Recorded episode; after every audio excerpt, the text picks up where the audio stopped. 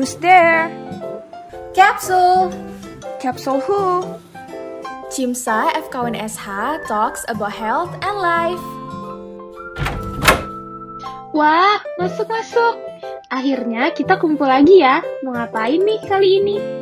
Biasa, menghibur dan memberi informasi bermanfaat kepada para pendengar dong.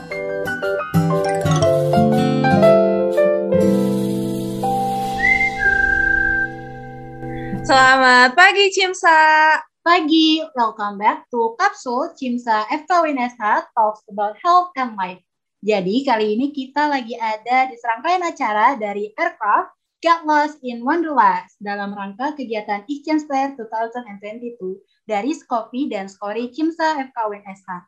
Bersama aku, Ika Mahardika sebagai Local Exchange Officer for Outgoing Skopi Cimsa FKWNSH 2021-2022.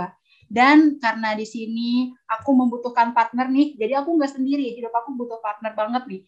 Jadi boleh nih partner aku cek sounds dulu. Halo semuanya pendengar setia Kapsul Cimsa FKWNSH. Kenalin, aku mau Lydia, selaku Local Officer on Research Exchange, Skori Cimsa FKWNSH 2021-2022. Ini pertama kali banget aku mengudara bareng sama Ika.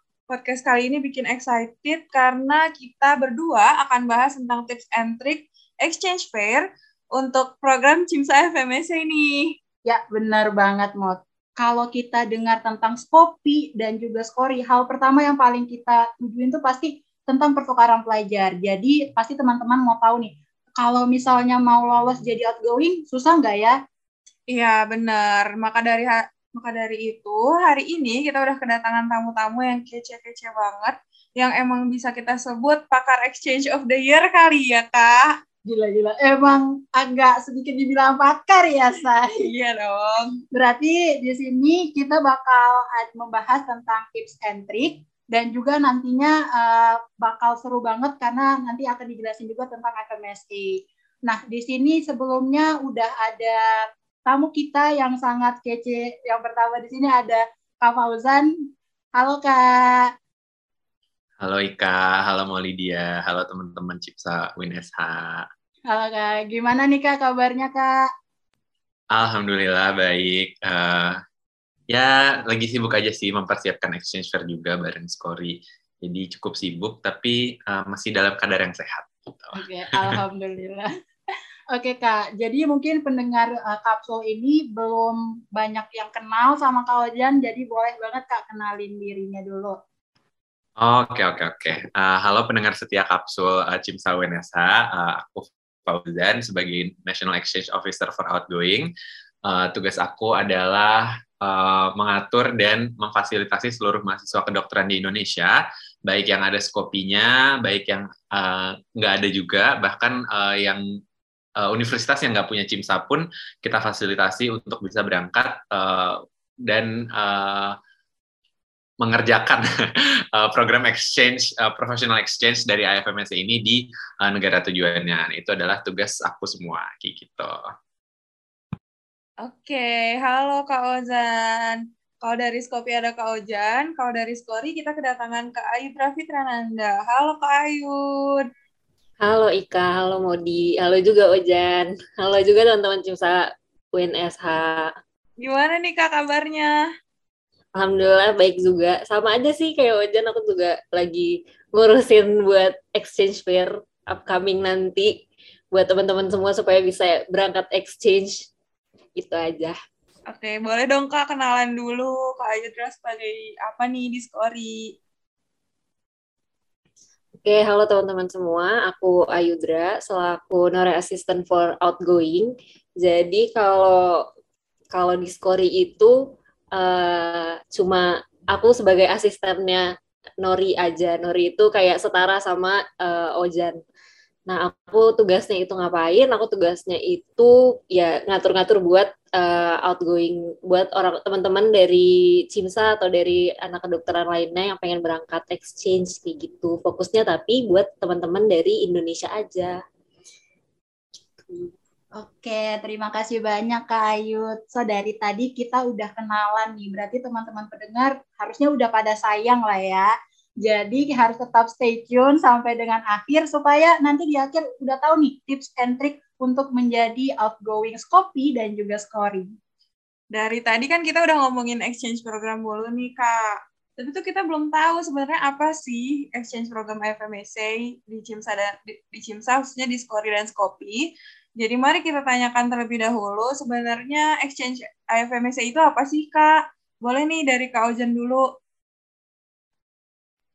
Oke, dari aku dulu ya. Jadi uh, sebenarnya kalau dari IFMSA sendiri, program exchange itu ada banyak banget ya, nggak hanya di Skopi dan Skori doang.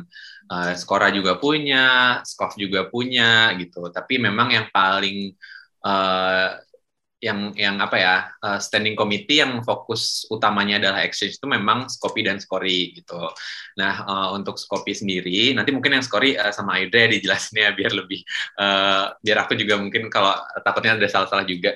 Jadi kalau yang Skopi itu memang uh, namanya juga kan standing committee on professional exchange. Jadi uh, program pertukarannya memang berbasis uh, profesional, berbasis klinik artinya uh, mahasiswa kedokteran yang nantinya melakukan program pertukaran tersebut uh, akan uh, belajar hal-hal uh, klinis yang uh, itu nanti dilakukan uh, mostly di rumah sakit. Kebanyakan memang adalah rotasi klinis yang berada di rumah sakit gitu. Jadi uh, memang tidak terlalu fokus untuk ke arah uh, kuliahnya atau kayak uh, pendidikan prekliniknya seperti itu, tapi lebih banyak ke uh, rotasi di rumah sakit itu seperti apa, gitu. Itu uh, gambaran umumnya sih kalau yang uh, professional exchange gitu. Mungkin dari Aida mau nambahin yang Skori? Oke, uh, kalau misalkan dari Skori sendiri, uh, kita itu lebih kita itu lebih fokusnya di di penelitiannya sesuai namanya kita research exchange dan researchnya sendiri itu penelitiannya ada beberapa jenis Uh, kalau misalkan saat ini uh, dari IFMSA sendiri ada empat jenis, ada yang basic science, terus ada juga yang uh, clinical research. Clinical researchnya itu ada yang pakai lab, ada juga yang nggak pakai lab, dan yang terakhir itu ada uh, gap exchange. Nah, gap exchange-nya itu dia kita kerjasama antara Skori dan Skof gitu. Jadi ntar uh, kalau misalkan kita fokusnya di penelitian, tapi untuk gap exchange ini sendiri nanti dia akan lebih 60 persennya akan lebih banyak turun ke masyarakat gitu. Menelitinya di masyarakat. Jadi banyak social worknya juga. Nggak cuma nggak cuma nge-lab nggak cuma nge-lab atau kayak penelitian sendiri. Tuh bedanya sih seperti itu. Wah, berarti emang dari APMS-nya sendiri sebenarnya banyak program pertukaran pelajar ya Kak, tapi kalau di Kimsa sendiri kita bisa milih nih paling utama mau ala-ala jadi peneliti di luar negeri boleh banget masuk story. Tapi kalau mau koas di rumah sakit berarti nanti boleh pilih kopi ya kak. Bener banget nih kak ngomongin exchange. Uh, kita juga harus tahu kira-kira berapa lama sih durasi exchange programnya. Terus nanti setelah jadi outgoing kegiatannya apa aja ya? Oke, tapi sebelum Kak Fauzan sama Kak Ayut menjawab, mungkin aku ngejelasin sedikit tentang istilah outgoing. Jadi outgoing itu adalah mahasiswa yang akan melakukan exchange program di luar negeri. Boleh nih pertanyaan dari Modi tadi uh, dijawab terlebih dahulu sama Kak Ayut, silakan Kak. Oke, uh, jadi berapa lama sih kita exchange itu? Kalau dari IFMSA sendiri sebenarnya itu untuk yang skor itu ada pilihannya uh, exchange 8 minggu atau 4 minggu. Cuma karena kita di Indonesia uh, majority kayaknya agak susah ya izin untuk 8 minggu, 2 bulan dari sekolah. Jadi kita cuma ngambil dari Cipta sendiri cuma ngambil yang 4 minggu aja. Itu durasi exchange-nya. Terus ngapain aja sih kalau misalnya udah berangkat exchange? Kalau udah berangkat exchange itu nanti teman-teman dari Skori kalau untuk yang Skori tentunya pasti akan penelitian utamanya. Terus uh, ya mengikuti kegiatan penelitiannya kalau misalkan uh, teman-teman ada gap exchange berarti bakal nanti ada social work-nya seperti yang tadi aku bilang. Tapi kalau misalkan uh, clinical research itu bisa lebih fokus nanti ketemu sama pasien, terus bisa juga sekaligus kerja di lab atau penelitiannya yang sama pasien aja kayak gitu. Terus kalau misalkan basic science nanti teman-teman bakal lebih fokus untuk penelitian di lab aja. Terus selain itu juga selain cuma penelitian-penelitian, teman-teman juga bakal dapat training tentunya untuk uh, penelitian itu sendiri, terus bakal ada juga yang namanya social programs. Jadi teman-teman bisa jalan-jalan juga. Don't worry, empat minggu nggak cuma belajar-belajar doang, tapi teman-teman juga bisa tetap ke bagian jalan-jalan dan have fun-nya, gitu. Oke, jadi jangan khawatir ya teman-teman yang mau daftar exchange program, tetap bisa jalan-jalan guys. Kalau dari Skopi gimana nih Kak Jan? Uh, sama kok nggak jauh beda ya. Jadi uh, di Skopi dan di Skori itu ada yang namanya academic quality. Uh, jadi itu akan uh, me, me, me, me, meyakinkan ya, me, apa ya, me, Hmm, supaya semua exchange yang ada di semua negara tuh intinya kualitasnya sama kayak gitu. Nah itu termasuk uh, ada educational activities, terus tadi juga disebutin Ayud ada uh, social program juga kayak gitu. Nah itu memang uh, di Skopi juga seperti itu. Nah terus uh, kalau di Skopi itu bagaimana? Nggak jauh beda, sama uh, kebanyakan itu empat minggu, walaupun ada beberapa yang uh, menawarkan programnya itu enam minggu atau delapan minggu, tapi uh, juga udah disebutin Ayu uh, nggak banyak ya mahasiswa kedokteran di Indonesia yang punya waktu luang lebih dari empat minggu untuk bisa menjalankan program ini karena emang kebanyakan uh, mahasiswa kita uh, melakukan exchange ini di saat libur gitu kan, entah menunggu menunggu koas atau menunggu UKM PPD kayak gitu. Biasanya ini seperti itu ya, tapi uh, itu balik lagi ke universitasnya masing-masing gitu. Kalau emang uh, bisa minta izin ya, ya sebenarnya juga nggak apa-apa gitu. Tapi kebanyakan memang uh, di dijalankan ketika menunggu koas dan menunggu KMPPD. Nah, empat minggu itu ngapain kalau di Skopi? Uh, jadi uh, kalau di Skopi itu kan kalau di Skori milihnya kalau nggak salah ini ya, ayo deh nanti di tolong dibenerin ya. Uh, milihnya kan project gitu kan ya, uh, penelitiannya uh, bidang apa gitu kan. Uh, kalau di Skopi itu kita uh, milihnya adalah departemen. Jadi mau departemen apa nih? Misalkan mau uh, bedah, bedahnya tuh pun bisa milihnya macam-macam. Misalkan bedah digestif atau bedah kardio atau kayak misalkan uh, plastik gitu. Jadi uh, departemen itu macam-macam banget, mulai dari anak sampai uh, uh, emergency medicine atau tropical medicine kayak gitu ya. Itu macam-macam banget.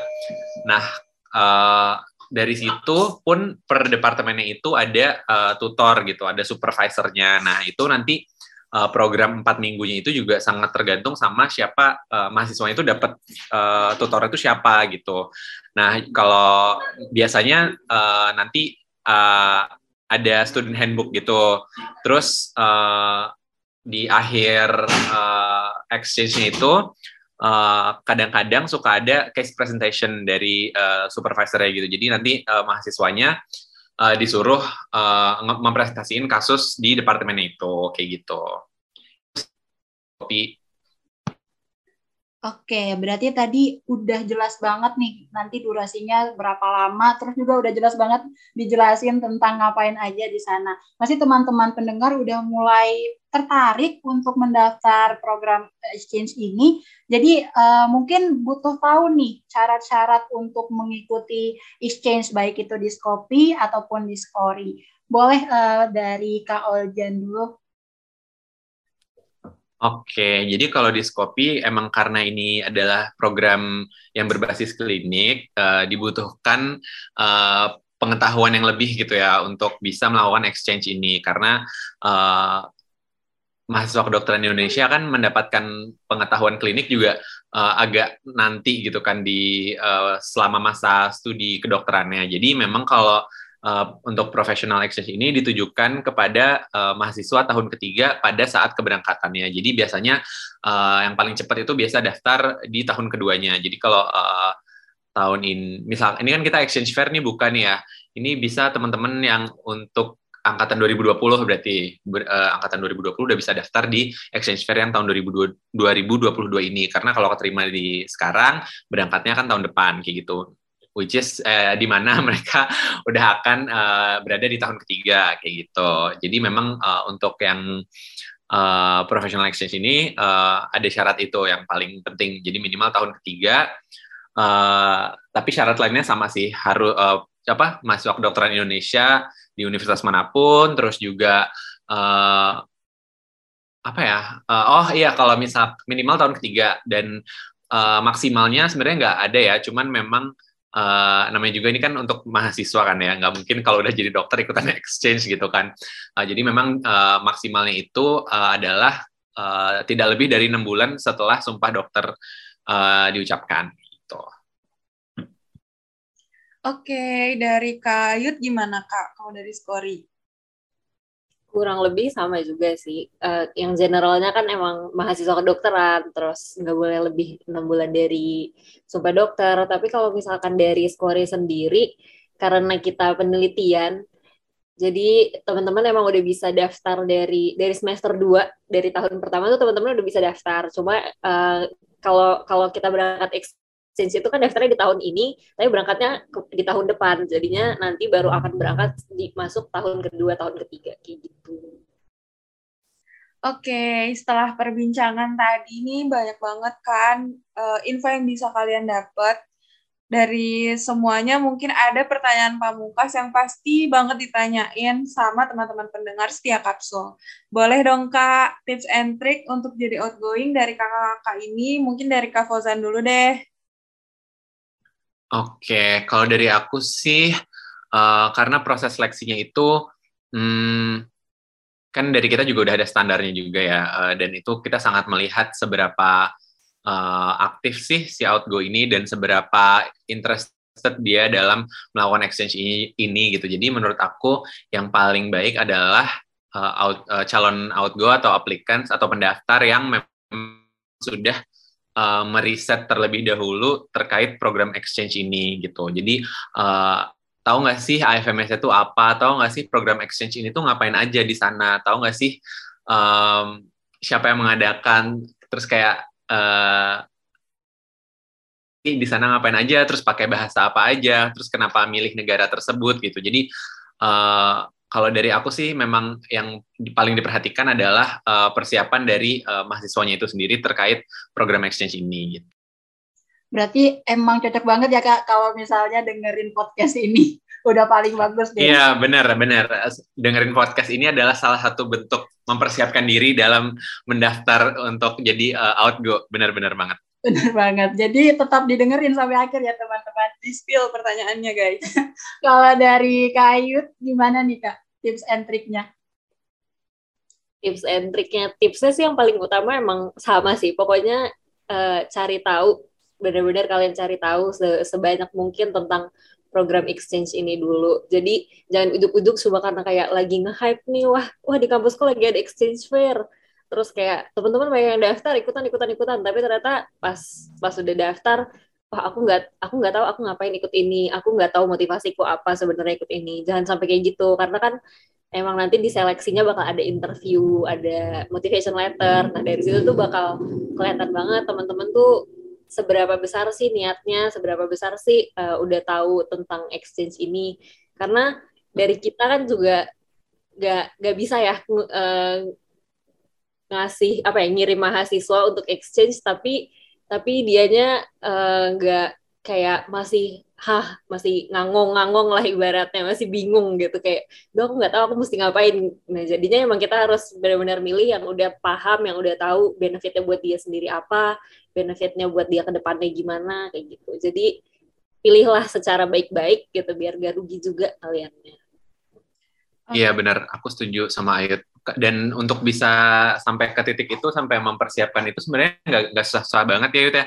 Karena dari Skopinya sendiri dan dari lokal Skopi pun udah mempersiapkan dan memberikan banyak banget kesempatan bagi calon outgo tuh untuk uh, untuk dapat pemahaman dan uh, pengetahuan itu. Kayak misalkan kayak sekarang oh, contohnya ya Win sekarang ngadain podcast kayak gini terus nanti mungkin ada uh, apa rangkaian acara yang lain mungkin uh, ada uh, talk show sama mantan uh, outgoing yang udah pernah berangkat kayak gitu. Nah itu bisa banget dimanfaatkan sama calon-calon uh, pendaftar calon-calon uh, dapat pengetahuan lebih berangkat uh, dulu baik sebelum ataupun ketika pandemi ini kayak gitu karena itu uh, apa ya uh, pengalaman mereka itu uh, berharga banget dan uh, apa ya nggak nggak nggak nggak bisa didapetin di uh, guideline mana pun gitu kalau menurut aku.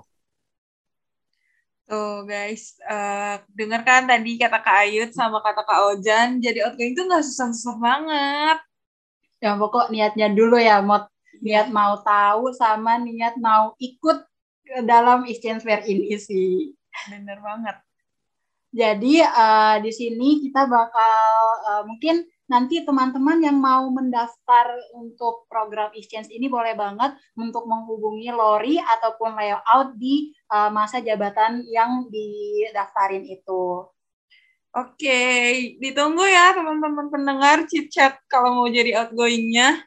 Jangan lupa juga setelah rangkaian podcast ini ada webinar aircraft yang nanti di sana kita akan ngobrol uh, bareng via Zoom. Kalian di, di situ langsung bisa langsung tanya-tanya nih ke former outgoingnya uh, yang udah berhasil mengikuti Cimsa Exchange program. Agak sedikit promosi ya kayaknya Biar untuk berhasil. Webinar. Ya benar. Ya. Biar e-change tuh tambah seru lagi. Betul. Oke, pertanyaan terakhir tadi terkait dengan tips and tricks sekaligus jadi pertanyaan terakhir dalam sesi podcast ini. Sayang sekali kita harus berpisah sama Kak Fauzan dan juga Kak Ayudra. Semoga nanti bisa ada kesempatan lain untuk bertemu Kak Fauzan dan juga Kak Ayudra. Terima, terima kasih banyak Kak Fauzan dan juga Kak Ayud sudah mampir dan memberikan banyak informasi yang menarik tentang Exchange of MSA. Aku Ika. Aku Modi. Sampai jumpa di podcast selanjutnya. Dadah!